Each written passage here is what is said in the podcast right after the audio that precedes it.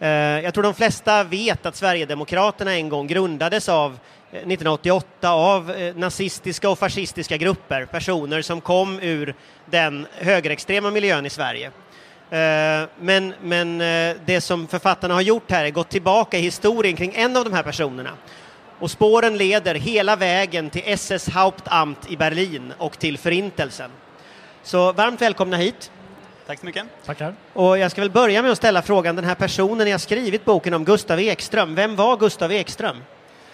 Han var en, eh, vad ska man säga, en mellanperson. Han var inte den högsta ledaren, han var inte en liksom, eh, kanonmat. Eh, men han, han personifierar på ett väldigt bra sätt, eller på ett tydligt sätt, eh, Sverigedemokraternas nazistiska rötter. Man kan säga att han är en av dessa nazistiska rötter som vi valde att liksom, följa bakåt i tiden i detalj. Eh, han var aktiv nazist i 70 år, eller 69 år.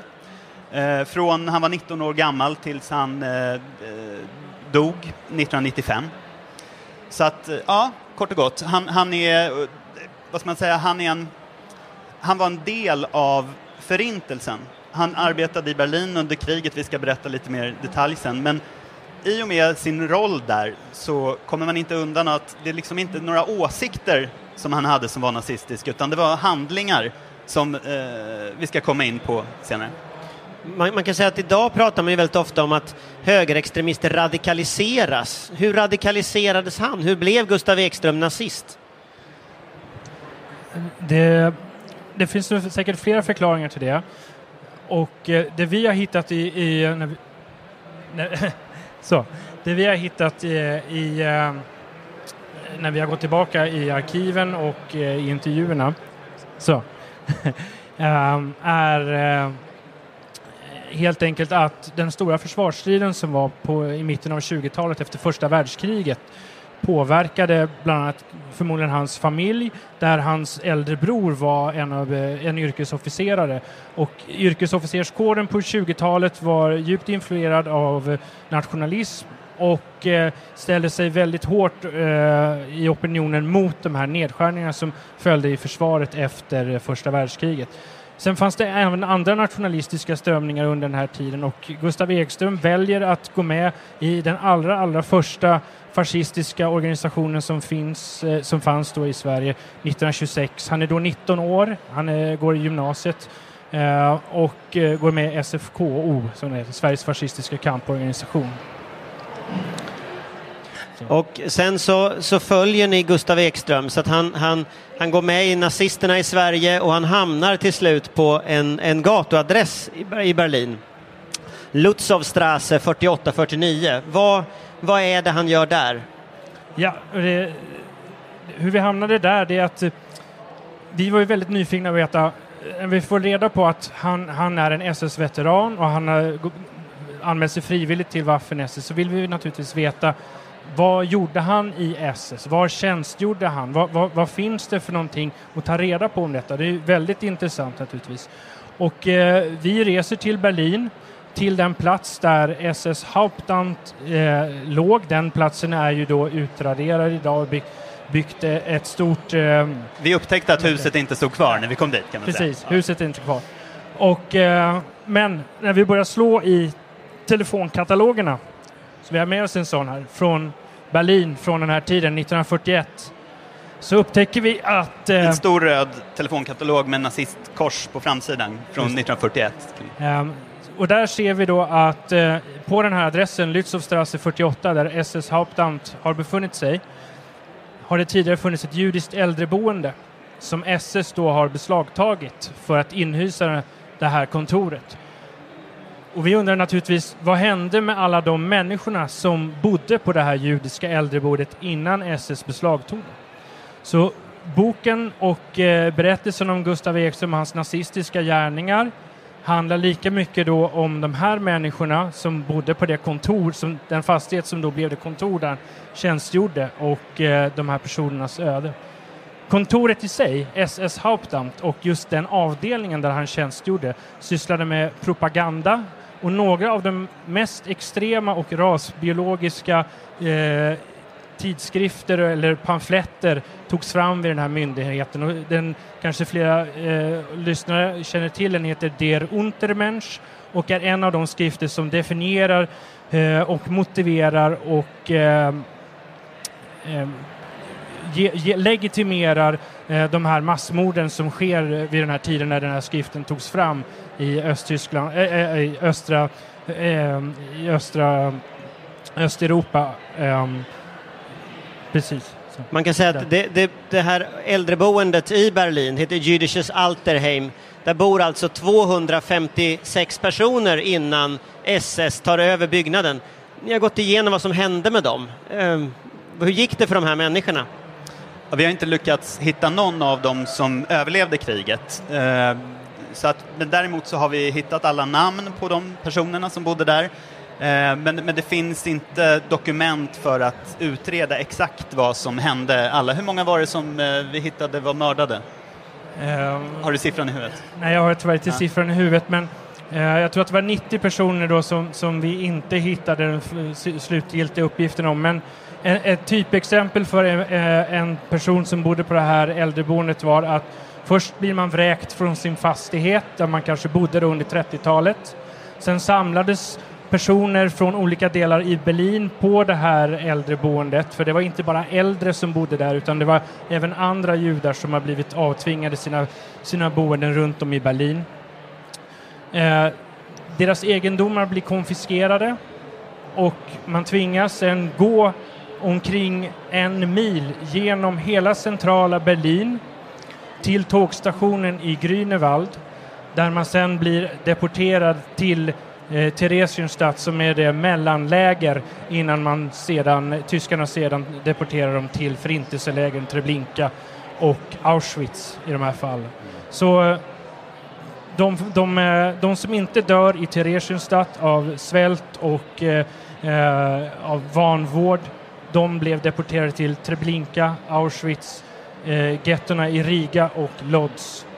När Ekström kom till Berlin, då bar ju alla judar gula stjärnor på sig och det, det här skedde ju liksom även på den gatan där han arbetade så var ju, eh, alltså alla berlinare var medvetna om, medvetna om vad som hände. Kan man, samma. Och man kan säga att Gustav Ekström har ju då, berättar ni om här då, i en tv-dokumentär 1993 och så har ju han då själv förnekat förintelsen och förnekat att det här ägt rum. Uh, han sa så här i dokumentären att, att det var ingen vettig människa som trodde någonting om dessa koncentrationsläger. Uh, alltså samma typ av förnekelse, förintelse som, förintelse, förnekelse som vi ser på till exempel nazistiska Nordfronts hemsida idag. Uh, kan detta vara sant, att han inte visste vad som hände? Det finner jag som fullständigt omöjligt med tanke på att eh, ett, ett annat av de här kontoren som han tjänstgjorde, tjänstgjorde vid lite senare under kriget, 1942, låg ungefär 10 minuters promenadavstånd från den tågstationen i Grünewald där deportationerna skedde. Eh, Lokalbefolkningen i Grünewald har, från den här, som bodde där under den här tiden har vittnat om Dels att eh, en del tyckte naturligtvis det var bra att judar blev deporterade men också många har vittnat om hur vilken ångest de kände när de såg den här karavanen av människor och barn, kvinnor, gamla, äldre som skulle skickas till koncentrationsläger och förintelseläger. Att inte ett SS-kontor eh, pratade om de här sakerna förefaller som otroligt eh, orimligt. Och eh, det, det, vi ställer snarare frågan det var mer sannolikt att de gick dit och tittade på de här sakerna. För det, var, det är belagt i fotografier och i forskning att eh, de här deportationerna de gick genom städerna i Tyskland skedde inför allas ögon. Man gick dit och tittade och såg på när det här skedde. Och det här är liksom ett lummigt villaområde, Grunwald, med, som man skulle kunna jämföra med kanske så här Djursholm eller någonting sånt där. Så det är ju inte, ja det är promenadvänligt, det är inte något industriområde i skymundan på något sätt, utan här bodde höjdarna eh, i Berlin. Man kan säga att Gustav Ekström då, han, han, eh, han, hur länge är han, hur länge jobbar han på SS så att säga? Vad gör han, vad gör han där? Han, han äh, tjänstgör vid, i Waffen SS då fram till 1943. Och eh, då begär han att bli entledigad för att fortsätta studier på sin... Eh, han ska läsa då till eh, ingenjör och det gör han då i Nürnberg vid eh, den tekniska, läro, eh, tekniska universitetet i, i Nürnberg. Så att fram till 1943. Och när han väl kommer till Nürnberg så slutar han inte vara aktiv nazist, snarare tvärtom. Han låter, eh, bli, låter sig bli medlem, skriva in sig i Eh, det nationalsocialistiska studentförbundet som då är en underavdelning till NSDAP. Eh, och här socialiserar han också med andra svenska nazister som, som finns i Nürnberg, bland annat den eh, svenska generalkonsuln eh, Sven Helander som även då är professor i, i Nürnberg. Och eh, Sven Helander visar ju sig sen då ska vara en viktig eh, person för att han ska kunna fly hem till Sverige i slutet av kriget med de vita bussarna. Berätta lite om hur han, han sen tar sig därifrån. Hur kommer han hem till Sverige? Mm. Han, eh, alltså han var ju eh, lite fast där kan man säga. Att amerikanska styrkor närmade sig ganska fort. Staden var mer eller mindre sönderbombad. Han, eh, det var liksom enda hållet han kunde fly åt var egentligen till Sverige. Men han hade tappat, eller hans pass hade förkommit, blivit stulet eller han hade tappat bort det. Så då hade han då hade han en, en eh, han kände en, den svenska konsuln där som också var nazist. Sven Helander hette han och eh, som lyckades skriva ett rekommendationsbrev till honom så han kunde ta sig till Berlin och därifrån eh, vidare till Lübeck och, och, få en plats på de eh, vita bussarna hem helt enkelt. Röda Korsets eh, eh, räddningsexpedition för, kan man säga. Hur, hur mottogs han här hemma sen? Vad hände där? Mm. Han, han, tar sig från Berlin och Lübeck och sen upp eh, till, till Malmö och hem, hamnar sedan utanför en karantän i Älmhult för där är det en kvinna då som har haft hand om hans bagage. Så han, polisen fångar honom när han står förmodligen ganska högljutt och diskuterar var, vart hans bagage har tagit vägen mellan stängslet då. Vid, och hans medalj kanske? Och, och hans medalj från Östfront, uniformen, vad vet, vad vet vi. Um, men eh, i övrigt, det görs ett slentrianmässigt förhör med honom, där han, eh, men, men inga ingående frågor om eh, vad han har gjort på SS Hauptamt, vilken, vilken särställning den här avdelningen som han tjänstgjorde vid hade faktiskt för att eh, syssla med propaganda just gentemot de nordiska länderna. Eh, det, det görs ingen ordentlig utredning kring det, för Eh, den senaste forskningen kring just den här delen av SS Hauptamt gör ju väldigt tydligt gällande att det, det, det var ju som inget trams de höll på med utan det, var, det är ju rent eh, högförräderi som de här personerna sysslar med som är frivilliga ifrån de nordiska länderna som kommer till, till SS. Utan det, det, var alltså planer på att hur man ska ta över de nordiska länderna och ideologiskt in, in, eh, inordna dem under SS, eh, elittänkande och ras, rasideologi. Men det, det, de frågorna uteblir. Han, några månader, någon månad efter han kommer hem till Sverige så gör han sin repmånad i svenska försvaret och sen så börjar han jobba eh, som det, ingenjör, kartritare. Det känns inte som de svenska myndigheterna är särskilt intresserade av att liksom röra Tired of ads barging into your favorite news podcasts? Good news. Ad-free listening is available on Amazon Music for all the music plus top podcasts included with your Prime membership. Stay up to date on everything newsworthy by downloading the Amazon Music app for free or go to amazon.com slash news ad free. That's amazon.com slash news ad free to catch up on the latest episodes without the ads. Höra upp det här då Utan gärna att de, jag menar, förhören är okej, okay, men han får aldrig några jobbiga motfrågor. Vad, vad, när du då arbetade ihop med en efterlyst spion i Oslo, var du också spion? Den frågan hittar vi inte i dokumenten till exempel. Det, det, finns ju ganska mycket dokumentation om svenska nazister under kriget i Sverige. Bland annat en sak man gjorde var att man kartlade ju alla judar i Sverige. Man samlade in information på hela den judiska befolkningen och förde alltså kartotek.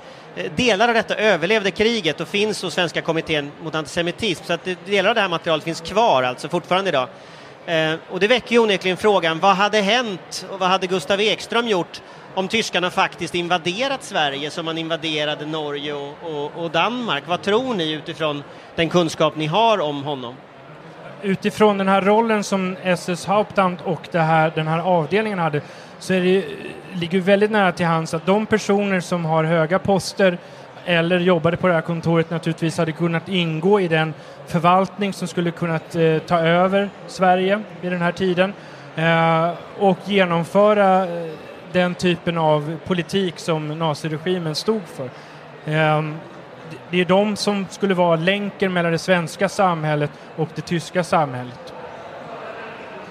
Om man tänker på det som sen hände då, om vi går framåt i tiden, för Gustav Ekström finns ju kvar sen här i Sverige Eh, och eh, är ju, fortsätter ju vara aktiv nazist under hela den här perioden. 1988 så grundas ju sen Sverigedemokraterna som parti. Vilken roll spelar han då? Han spelar en nyckelroll när Sverigedemokraterna grundas, som en sorts eh, lämna över stafettpinnen till nya förmågor. Han är ju ganska gammal då, han eh, måste ju vara, vad blir det? Ja, 86-87 gammal. år. Eh, och han, han får roll som revisor då för den första partistyrelsen i, på riksnivå i Sverigedemokraterna, en sorts, vad ska man säga, övervakande roll eh, som, som passar bra för en som, som har varit med förr och, och kan det här så att säga. Så att, och vi vet ju också att han var aktiv på torgmöten och, och liknande, hade folk som bodde över hos sig inför 30 november-firande i, i Lund och sådana saker.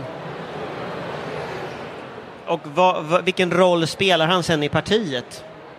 Han, han, är en av dem som bygger upp Skåneavdelningen till en av de starkaste partiavdelningarna i Sverigedemokraterna. Han är eh, alla som, som är vana vid föreningsliv vet att det finns trotjänare som alltid är på alla möten, alltid kommer på alla aktiviteter, alltid kommer på flygbladsutdelningarna, alltid är vid bokborden. Han är den personen som, som är en sådan eh, stomme i, i, i den kadern i, i den här avdelningen. Det, det, det väcker ju många frågor kan jag tänka mig hos, hos publiken och så också detta. Eh, det är alltså en person, för att sammanfatta historien, som alltså då blev nazist innan kriget, blev frivillig i SS, åkte till Berlin, jobbade på SS högkvarter, på ett högkvarter som alltså tagits över av ett judiskt ålderdomshem, där så vitt man vet alla som bodde på detta ålderdomshemmet, över 200 personer, blev mördade i förintelsen. Åker hem och blir alltså ledande sverigedemokrat när partiet bildas. Eh, varför valde ni att titta, och det är bara ett spår när vi pratar om nazistiska rötter, det är liksom en nazistisk rottråd i Sverigedemokraterna detta. Varför valde ni just Gustav Ekström? Ja, alltså som du säger, det, det är många som pratar om nazistiska rötter och det finns väl många sätt att, att belysa det eller titta på det och, och, vi valde just att följa en, en rot så långt vi kunde under liksom två års researchtid och det var nog det att för varje ny sten man lyfte på när det gällde honom så, så blev det liksom en mörkare historia. Vi, vi, jag tror inte att vi riktigt kopplade kopplingen, alltså att vi kopplade inte att han skulle ha en, direkt eh, vara en del av förintelsen med sitt arbete i Berlin förrän vi hade jobbat med det i kanske ett år. Eh, alltså vad, vad, innebär det här att han gör den här propagandan? Vad säger forskningen om det? Jo, det här utan den typen av propaganda som han eh, arbetade med så hade ju aldrig hela det tyska samhället kunnat mobiliseras för att mörda så otroligt många människor. Det är ju jätteavancerat att göra det. Alltså, det behövs ju järnvägskonduktörer måste vara med på det, postanställda, auktionsfirmor och banker eh, och, och inte minst lokala polisorganisationen och liknande. Kan ni berätta lite om researchen som ni gjorde? Ni har med er här en, en bok som är alltså en, en stor röd telefonbok här. Amtliches Fernsprechbuch. En, en te te telefonkatalog från Berlin 1941. Jag, jag bläddrade lite i den här förut när ni tog med den och då, då finns hela NSDAP, alltså tyska nazistpartiet, finns här sida upp och sida ner, deras kontorsadresser.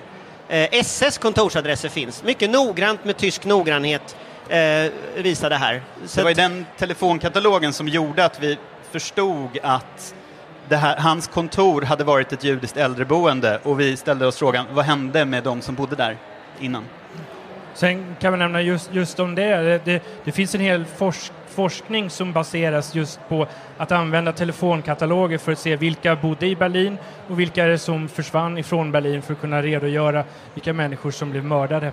Eh, just detaljerna kring den här boken är också ganska spännande kring telefonkatalogen därför att eh, den allierade underrättelsetjänsten använde telefonkatalogen för att kartlägga alla nazistiska myndigheter och eh, militära faciliteter så de skulle veta var i Berlin de skulle bomba någonstans.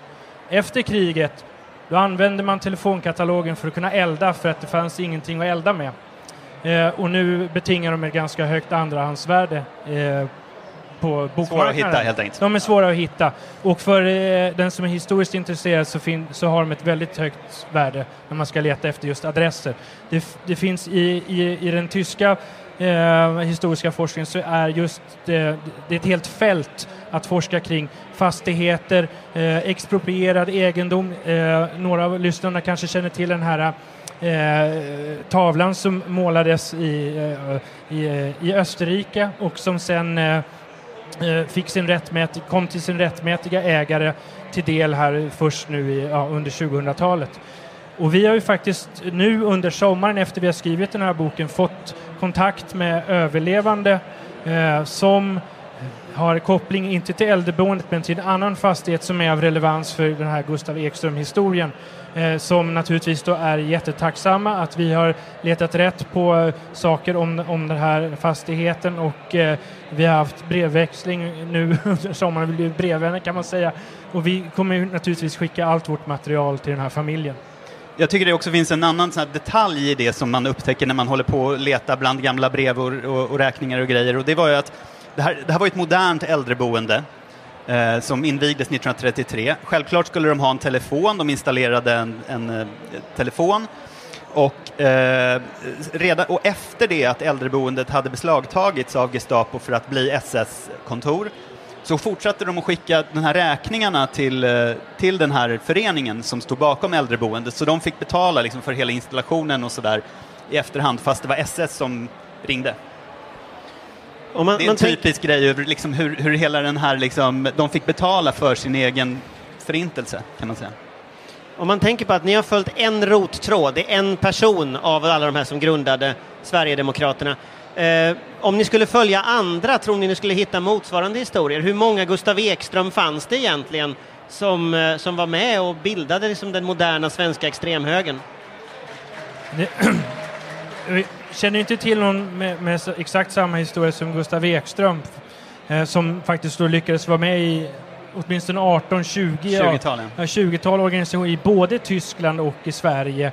Men, men i, i kanterna kring honom i 30 novemberföreningen, de som deltar på de här manifestationerna i, under 80-talet, så finns, så finns det fler SS-veteraner eh, och eh, som, som eh, arbetar för att sprida de högerextrema och nazistiska åsikterna vidare. Eh, framförallt de, de som har tjänstgjort vid den här myndigheten är synnerligen aktiva i, i eh, veteranföreningar och liknande där de jobbar med att skriva om historien kring SS eh, att förneka förintelsen, vilket är en fortsättning av brottet som förintelsen är, att förneka att det ens har skett. Det är viktigt att komma ihåg det.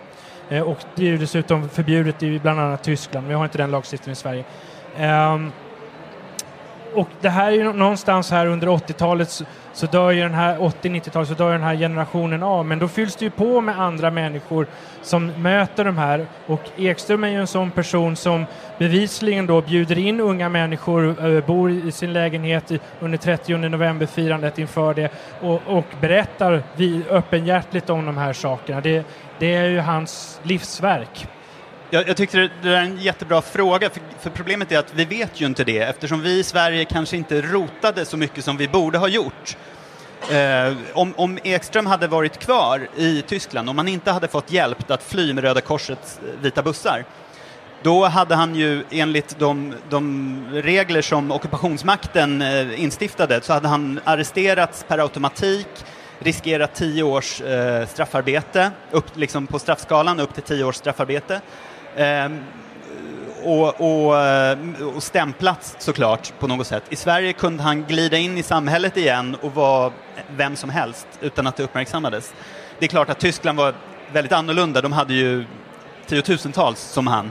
Men, men det är ändå så att vi, vi liksom, nah, det där, nu glömmer vi det och går vidare. Man ska ju heller inte glömma då kan man ju säga som en avslutning också att Waffen-SS i Nürnbergrättegångarna blev ju alltså dömt som en av de organisationer som ju genomförde alltså både folkmordet på den judiska befolkningen men också den mycket omfattande terror som man, man genomförde från SS sida. Eh, så den här kopplingen, den här rottråden som vi pratar om, eh, den är, går ju alltså direkt till mänsklighetens absolut mörkaste kapitel. En sista fråga. Eh, hur tycker ni att de här rötterna, om man tänker att man hämtar ju alltid näring ur sina rötter, eh, vad är det för näring Sverigedemokraterna hämtar från den här typen av historia? Hur ser man att historien går igen idag utifrån ert perspektiv? Eh, den går ju igen i handlingar som utförs av ledande sverigedemokrater och andra sympatisörer. Det är väldigt tydligt, man kan se det på nätet i form av uttalanden eh, där kanske Björn Söders uttalande om att judar inte är svenskar är ett av de i särklass värsta. Och då ska man komma ihåg att det är inte bara ett, en åsikt utan vad man gör då enligt den här eh, historiken och det som har skett och det är ur det synpunkten, eller synfältet man måste titta på det här.